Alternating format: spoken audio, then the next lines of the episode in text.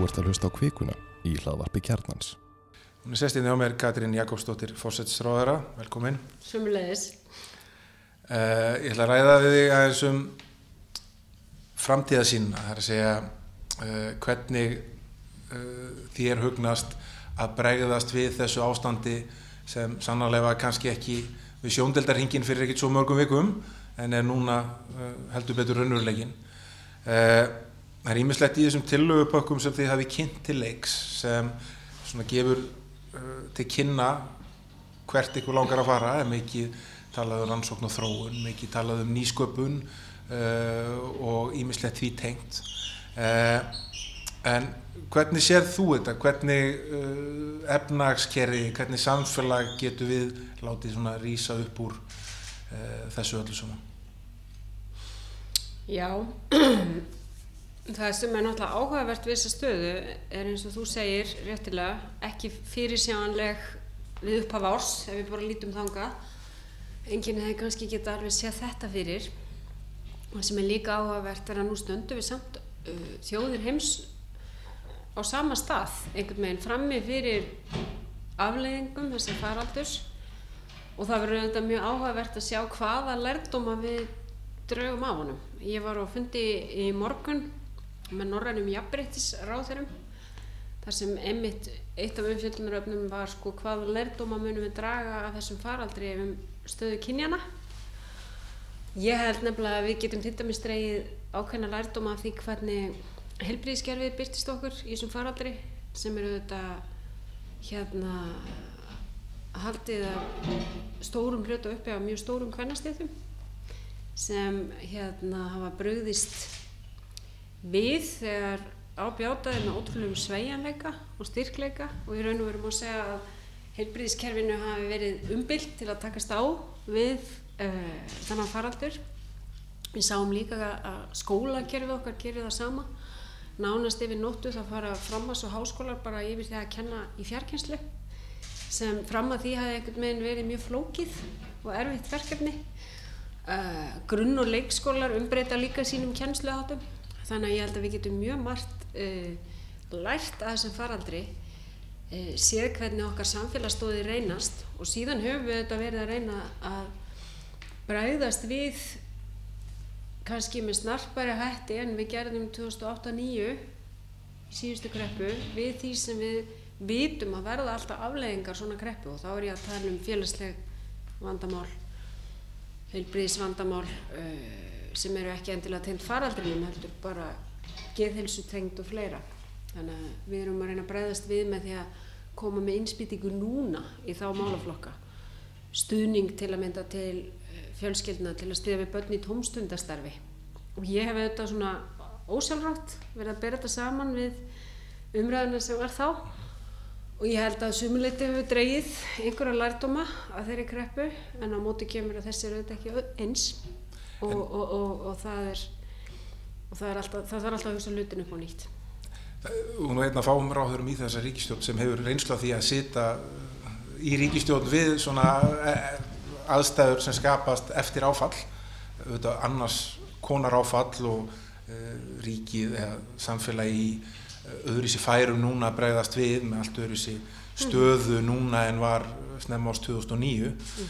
en e, þá einhvern veginn svona kannski doldið óvart eh, kom ferðarþjónustan og varð þessi rosalega stóra stóð mm -hmm. bara frá 2010 og upp úr mm -hmm. og allt í einu orðin stærsta stóðin undir efnaðaskerfun okkar og, hérna, og mjög mannapsfreg grein mm -hmm. það var ekki eitthvað sem við vorum kannski með sem stefnu eh, að byggja upp þessa stóð með þessum hætti á þessum tíma svo stóð er síðan bara nánast horfin á örfáum vikum eh, telur raunheft að við getum byggt hana upp með sama hætti og hún var uh, og telur það æskilegt. Er uh, svona stóð sem er eins og ég sagði mannapsfreg atvinnugrein með lága framleiðinni er þetta stóð sem hendar íslensku samfélagi vel?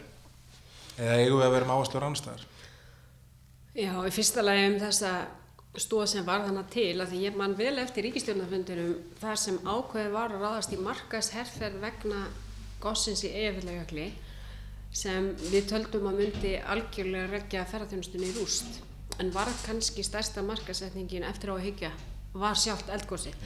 Þannig að ég maður vel eftir þessum fundi þegar ákveði var að ráðast í Inspired by Iceland áttakið. Um, það átti náttúrulega enginn kannski vonaði þá hins vegar að, ferðarþjónustunum myndi vara í þennan veldisvöxt sem hún fór í. Og kannski einhverju leiti gefur ástandi núna að því það er alltaf tækifæri öllum stöðum okkur tækifæri til að ígrunda eins hvernig við viljum halda áfram með ferðarþjónustuna. Ég held að hún eigi sér framtíð alveg tvímálalust að því þú spyrð um það. Að því ég held að Ísland sé staður sem fólk mun vilja heimsækja. Og það tengi ég náttúrulega fyrst og fremst náttúrunni en líka samfélaginu sjálfu og ég held að, að það sé gaman að koma til Íslands. Ég held að við getum alveg áfram verið nokkuð vissum það. En það mun taka tíma og ég held sko einhverju leiti hefur ferðarþjónustan mótað sér stefnu um hvert hún vilji stefna. Hún vil stefna í átilaukina sjálfbarni þegar kemur á umhverfismálum. Hún vil stefna í átt að svona sérstöðu og læra af þeim þjóðum sem hafa náð árangri til dæmis í því þar sem er meiri stýring kannski á ferðamannum þannig að ég held að það sé ákveðin tækifæri að fara sko, já, að fara kannski hraðar í átt að þeirri stefnumótum sem hefur verið hennin en síðan að því þú nefndir hérna á hann að við varum að gefa ákveðin merki og lifta flöggum í því hvert við vildum stefna þá er það ekkert lendamál og ég hef lengi talað fyrir því að það þarf fleiri stóðir og mér hefur fundist þar helst skorta á það sem við getum kallað þekkingargeran það er að segja grunn rannsóknir, nýsköpun, uh, þróun, skapandi greinar, geira sem er ekki öðlinda háður í sama mæli og ferðarþjónusta sjáurútvegur áliðnaður heldur sem byggir fyrst og fremst bara á hugviti og þar uh, erum við auðvitað að senda svona skýr merkja að við viljum nýta þessa stöðu til þess að styrkja þann geira. Tölum um kannski þessar tvær leðir annars vegar ferðarþjónustuna sem uh, þú segir að eigi sér réttilega einhverja framtíð hérna, mm. kannski í breyttu formi meiri áherslu á, um, á sérhefingu og, hérna, og svona sérstöðu mm -hmm. uh, og hins vegar uh, þessi hugverka tengdu störf þetta verið að grípa til margra aðgera til þess að íta undir mm. þann vöxt uh, endur greiðslur á ansvöld og þróun uh, víðari fjárstykar heimild fyrir lífyrirsjóði mm. og svo frammeðis en þetta eru sinns og störf sem eiga sér langar meðgöngutíma mm. það er að segja að þau verða ekki til hérna í oktober eða nógumber sama er augljóst með ferðarþjónustum hún er ekki að fara að taka vissir hérna og koma til hösti sviðsmyndir eru alltaf bara sviðsmyndir en flesta sviðsmyndir jafnvel ferðarþjónustu fyrirtækjana sjálfura er að Eh, benda til þess að þau eru að gera ráð fyrir 12 til 18 mánuðum og minnstakosti í eh, tiltöla lítilli starfsemi uh, hvernig ætlum við að takast á við þá stöðu að hér er ja, vel 50 eitthvað þúsund manns í uh, að hluta til eða ölluleiti aðtunluleysir Hvað, mm. hvað er, hvaðan er að störfin fyrir þau að koma á meðan þessi mm. meðgöngutími á sér stað Já, þetta er einmitt alltaf spurningin um þessa blöndu hvern, þú veist það er blanda aðgerða og það er mikilvægt þegar þó að vandin setja í skemmri tíma að fara ekki bara í skamtíma aðgerir við erum auðvitað að fara í tölvöld umfásmugla skamtíma aðgerir og þá er ég náttúrulega vísi þessar hefðbundnu fjárfestingar í samgöngum, mannvirkjum, bygginga, frangæmdum uh, útvikun og vaski og fleiru sem getur örfa þann geira, við erum að fara í matvæla framlegslu, uh, byrjum með 500 miljónar framlega þessu ári sem ég held reyndar að fel í sig mjög mikið tækifæri og, og, og sko fjölbreytt tækifæri því þar eru hugmyndir allt frá aukinni hásla lífrannar ræktun upp í sko hátæknivægt gróðurhús. Þannig að uh, ég held að sumt af þessum mun skila störfum strax. Annað mun þurfa lengri meðgöngutíma það er alveg rétt en ég held að það sé mikilvægt að aðgeri stjórnvalda sé ekki bara til skemmri tíma. Að það sé við líka leggin í framtíðina. Og þar dregi ég allavega lært um að 2000 9-13 þegar við fórum í fjárfestinga áallum 2012 eftir að hafa verið í miklum niðurskurði. Og við sáum merki þess í hugverkageiranum í raun og veru tiltulla rætt sem hefur alveg haft verulega áhrif uh, sem sagt bara á vöxt hans á Íslandi svo hóværa fjárfesting sem var ráðist í þeim gera 2012. En svo fjárfesting áallinu þetta var kipt úr sambandi síðan 2013 að stóru leiti, að einhverju leiti að mista kosti. Að einhverju leiti og kom svo aftur ja. hægt og bítandi þannig að þetta var allt og mikil allt og miklar kollsteipur. En uh, út af því að byrtingamyndin af... En það sem hefur breyst sko er að á þessum tíma var aðal þrýstingurinn á aukna stóriðju og orkufrekarniðina við sjáum alltaf umræðu í dag og miklu meiri áherslu á nákvæmlega það sem ég er að tala um sem er þessi hugverkaði geri En það er kannski líka vegna þess að það er nokkið mjög beisin markaður fyrir þá stóriðu sem er í starfsefn og Ísland í dag. Mikið rétt. Hráðurumarkaðir eru um miklu markaður. Já, já, já, já, já. Eh, þannig að hérna, það er nú kannski ekki hægt að sjá margar lausnir svona aðnandi skamstíma nei, nei. Í, í þeirri uppbyggingu. Uh, en vegna þess að byrtingamyndin á þessu áfalli er, auðvitað, hún kemur fyrst og síðast fram í þessu miklu atunleysi. Uh, við vorum ekki með það á svona jafnstórum skala hérna síðast þannig að það er kannski uh, þegar líður á árið og líður inn á næsta ár þá auðvitað ef það er ekki komnar kannski einhverjar fórsendu til þess að takast á við þetta og draga verulega úr þessu mm. þá getur maður að sé að þetta geti kannski orðið einhvers konar viðvarandi vandamál sem myndi búa til aukin ójöfnuð hérna í samfélaginu vegna þess að verðbólk og gengisfall eru auðvitað vandamál en þau leggjast svona jafn þungt á flesta, atvinnuleysi leggst miklu þingar á þá sem verða fyrir því en hina sem búa í samfélaginu. Uh, ertu svona sem kannski sá ángi í ríkistjórnarinnar sem leggur mest áherslun á jöfnuð, mm. ertu meðvituð um þessa stöðu þegar þú ert að fara að sykla líka inn í kostningar ára næsta ári?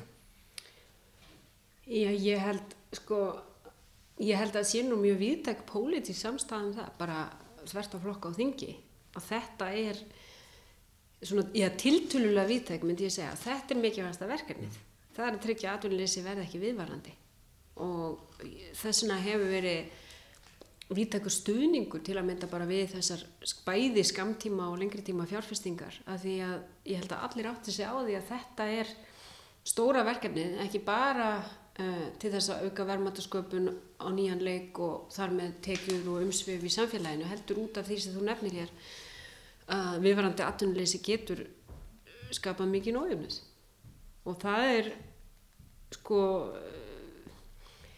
og það væri mikil mikil afturfyrir á Íslandi þar sem við hefum haft mesta tekjujöfnu til dæmis núna í hópi OECD-ríkja sem er nokkuð sem hefur meðal annars nást vegna þess að verkalýsreingin hefur lagt mikla áherslu á að hækka lægstu laun og hefur náð uh, tölverðum árangri í þeim efnum að við séum að horfa upp á slíka stöðu myndast. Þannig að ég held að, að svolítið þvert á kannski flokka þá séum við með mikla samstöðum að tryggja atvinnustík uh, að þessum tvíþættu ástæðum í raun og veri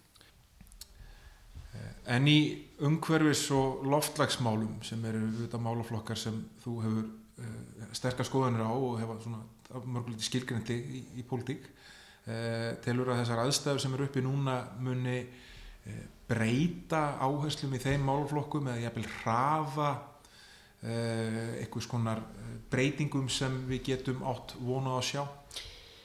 Ég held að við Íslandikar eigum að nýta þessa stöðu til að hrafa áherslum í þessum málflokkum. Um, ég held að ef við erum að horfa til dæmis til óbyrjara fjárfestinga á næstu árum sem ætlaði að auka verðmætasköpun þá séum mikið tækifæri í grænum fjárfestingum Við erum auðvitað komin á stað í orkuskipti og fórum í það núna á þessu ára að flýta þeim með viðbótar fjárvitingu til orkuskipta í samgöngum. Það eru miklu fleiri möguleikar í þeim efnum. Nýju verkefnin sem er að bætast við er rafæðan kapna sem er auðvitað stórmál fram í tíman fyrir Ísland.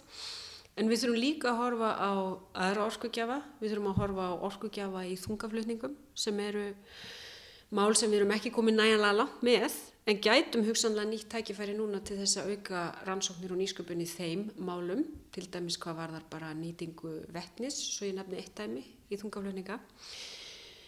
Þannig að uh, við höfum fundað um aðgerðaáallunina í lostasmálum og hvort við erum ekki reyðbúin að halda bara áfram með þau markmið sem við vorum búin að setja okkur og það er fullur vilji til þess en hins vegar hef ég áheggjur af þessum málum á heimsvísu og, og þau voru þetta í, í ákveðinni kreppu fyrir þar sem til að mynda bandaríkinn voru búin að segja sig frá Parísarsankomulæðinu.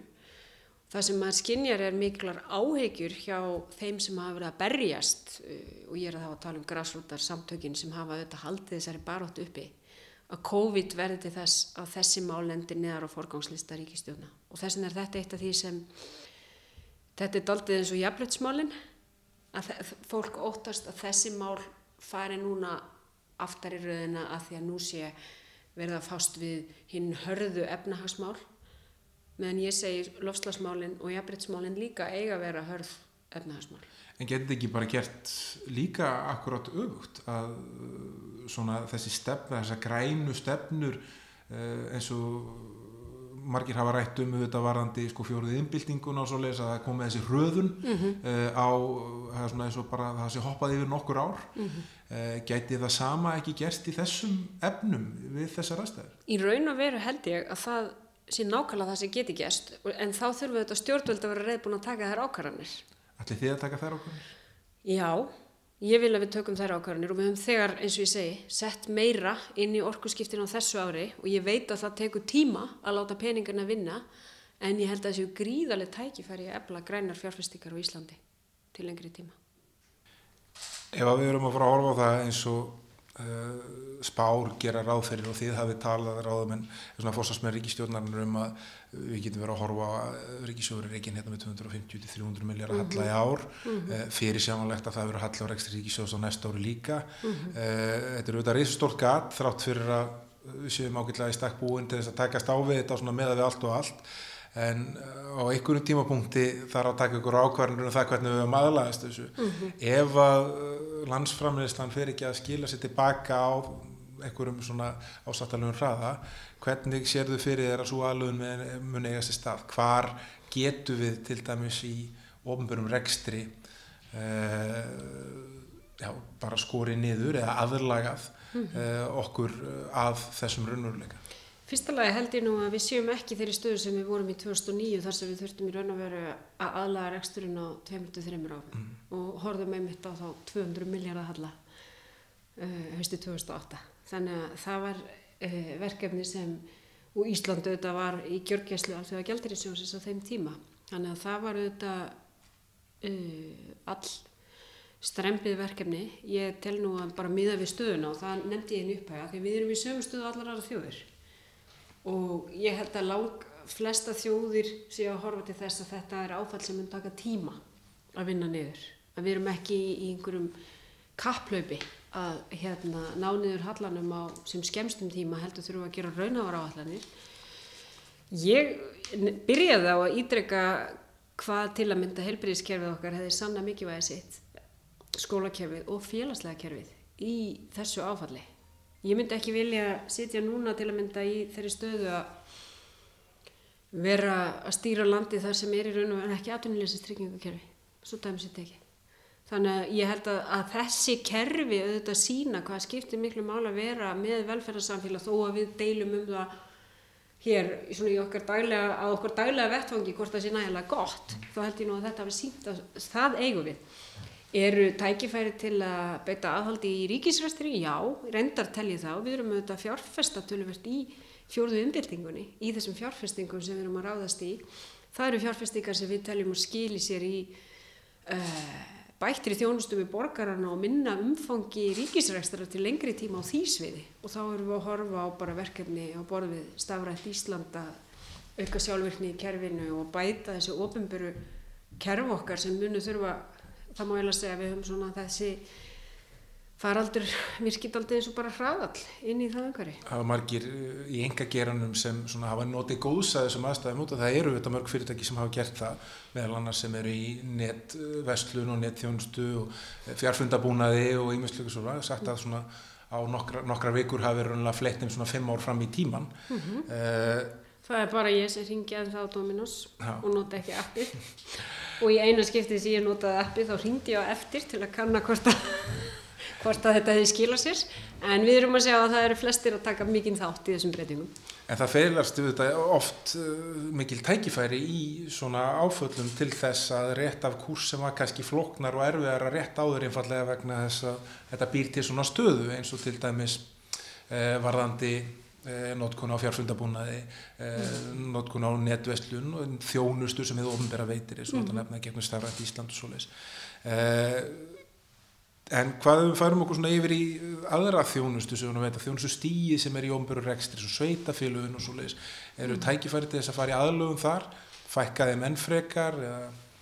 eh, eitthvað slíkt? Sveitafélagin, ég reyndar eh, tel og það hefur náttúrulega farið fram tölverð umráð að þingja um það eftir þingsáleiktun sveitstunar á þennan sér á uh, fyrir áramót. Og ég er þeirra skoðunar að það eigi að stefna uh, sameiningu sveitafélag og er sammála svona þeirri stefnu sem væri raun og verið til grundvallar á síðasta sambandsþingi uh, sveitafélagana ég held að um leið og við erum að tala um að við viljum færa aukin verkefni til sveitafélagana og þau hafa þetta gríðlega mikilvægum verkefnum að gegna nú þegar. En tilningin hefur verið að færa aukin verkefni til þeirra. Þá uh, sé það eðlega þróun að, að þau verði stærri og öflur einingar til að takast á við þetta. Ég spyrir vegna þess að við erum að tala um hérna að það verður til ákveðin hraðall Já, uh, já, held ég að þetta geti og ég meina við erum með sveita, já.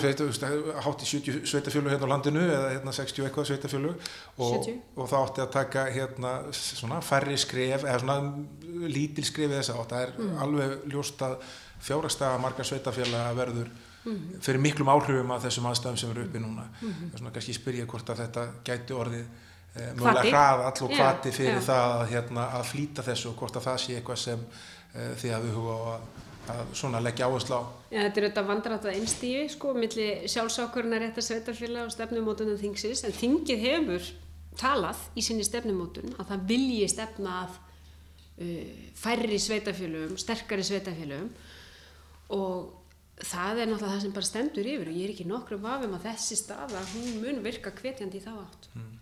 Hún mun virka hvetjandi í átt. En það sem ég held líka, við erum nú búin að vera að vinna tölverða stefnumótum bara um þessar tæknibreitingar uh, og þar teljum við okkur ágætlega í stakk búin eins og hefur náttúrulega komið í ljós núna hvað varðar bara til að mynda tæknilega innviði. En það er margt sem við getum hins vegar gert betur í því og ég held að það er að vera hluta stefnumótun okkar til framtíðar bæði hvað varðar bara mentun og, og rannsóknir á þessu sviði. Það sem skiptir máli einmitt að við uh, hvetjum til þess að við séum að finna íslenskar lausnir. Eitt af því sem hérna uh, við erum að sjá er eins og þú réttilega bendir á að það er ímsir aðalar að hanna bara tæknilausnir sem nýtast bæði hinn og ofinbera en líka í engarestri þar held ég að við getum þetta ástand sé kannski einmitt að virka sér hraðall og við getum gert betur enn með því að hvetja til nýsköpunar og þróunar á þessu svið og þannig náð þeim þeirri stöð að við séum daldið að stjórna tæknin en ekki tæknin að stjórna okkur. eh, kannski að lókum eh, heldur að þetta ástand vegna þess að neyðaragirir eru oft þannig að það er svona að njóta við tekstuðnings það er að segja bæði í samfélaginu öllu en ekki síður á hennu pólitíska sviði.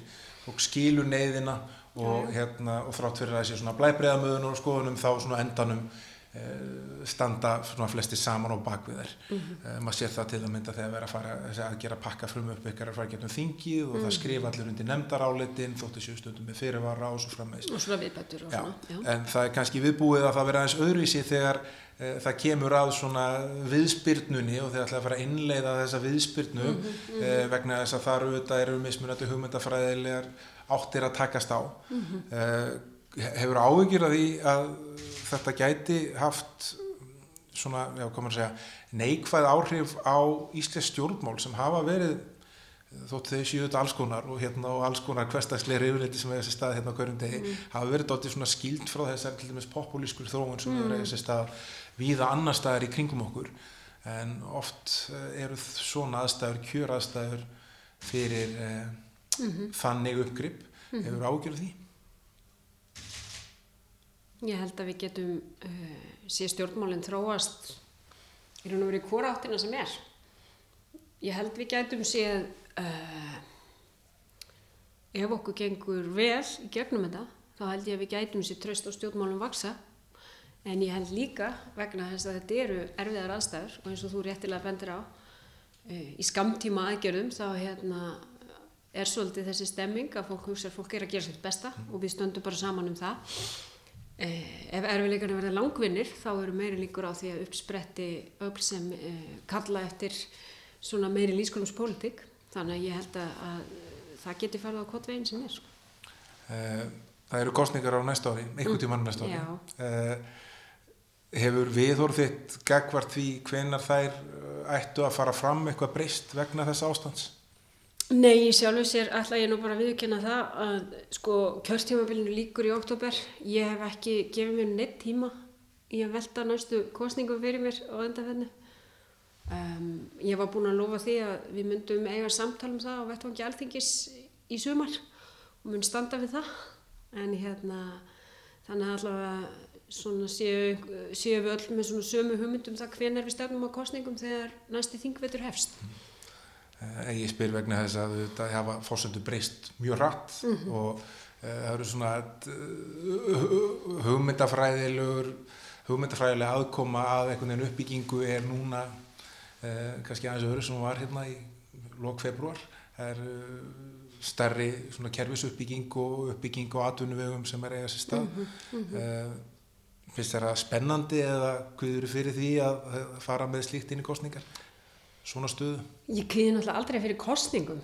Eh, þær eru bara, eh, og það má alltaf deilum sko, við erum náttúrulega vönd því svona, svona sögulega séð að við kjósum bara þegar á að kjósa, það er ekki þessi óvöla strategíska hugsun sem er til dæmis í sumum löndunum í kringum okkur, þar sem bóða er til kostninga þegar staðan er metin rétt og svo reynist það stundum ekki rétt, þannig að hérna, við höfum ekki þá hefð.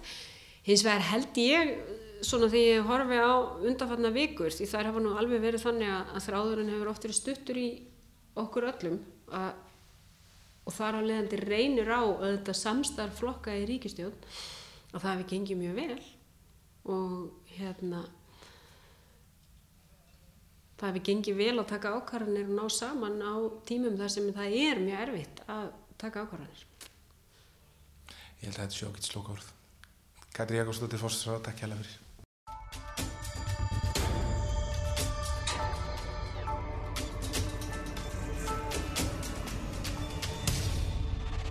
Þú ert að hlusta á kvikuna í hlaðvarpi kjarnans.